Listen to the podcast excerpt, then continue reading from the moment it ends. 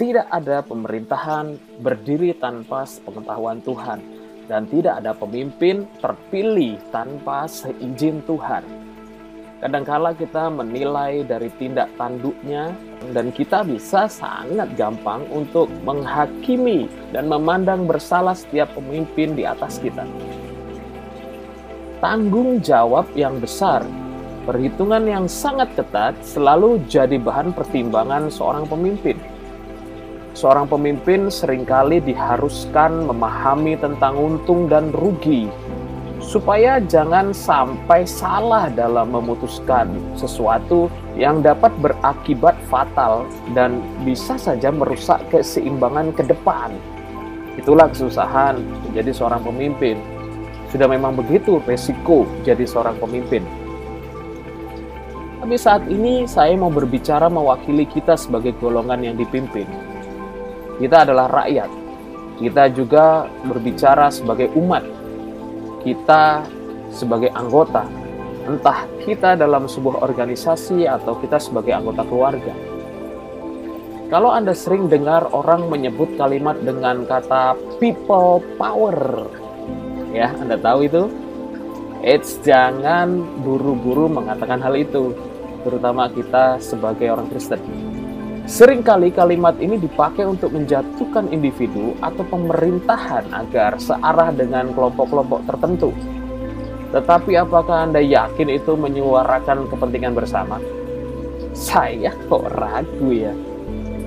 Agar kita tidak salah dalam menyikapi dan salah dalam mengambil kebenaran informasi, maka berikan saya waktu 5 menit untuk bersama memahami apa yang menjadi maksud Tuhan dalam kasus ini. Titus 3 ayat 1 mengatakan, Ingatkanlah mereka, supaya mereka tunduk pada pemerintah dan orang-orang yang berkuasa. Ingatkanlah mereka supaya mereka tunduk pada pemerintah dan orang-orang yang berkuasa, taat dan siap untuk melakukan setiap pekerjaan baik. Taat dan siap untuk melakukan setiap pekerjaan baik. Kalau begitu mati konyol dong ya. Apakah benar demikian? Tidak juga sih. Pada zaman Tuhan Yesus, Romawi sedang menjajah daerah itu dengan segenap kekuatannya. Hampir seluruh daerah Laut Tengah dikuasai oleh Romawi. Banyak riak-riak kecil pemberontakan yang terjadi untuk melepaskan diri dari penjajahan Romawi. Namun, seperti kita tahu, beberapa ahli Taurat sempat menanyakan hal tersebut. Contoh, seperti pembayaran pajak.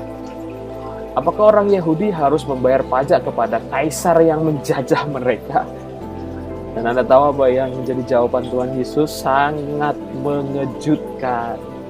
Lakukan apa yang menjadi kewajibanmu kepada kaisar dan lakukan apa yang menjadi kewajibanmu kepada Tuhan. Ada satu contoh lagi, saudaraku di Markus 13 ayat 14 mengatakan demikian apabila pembinasa keji berdiri di tempat yang tidak sepatutnya maka larilah ke atas gunung.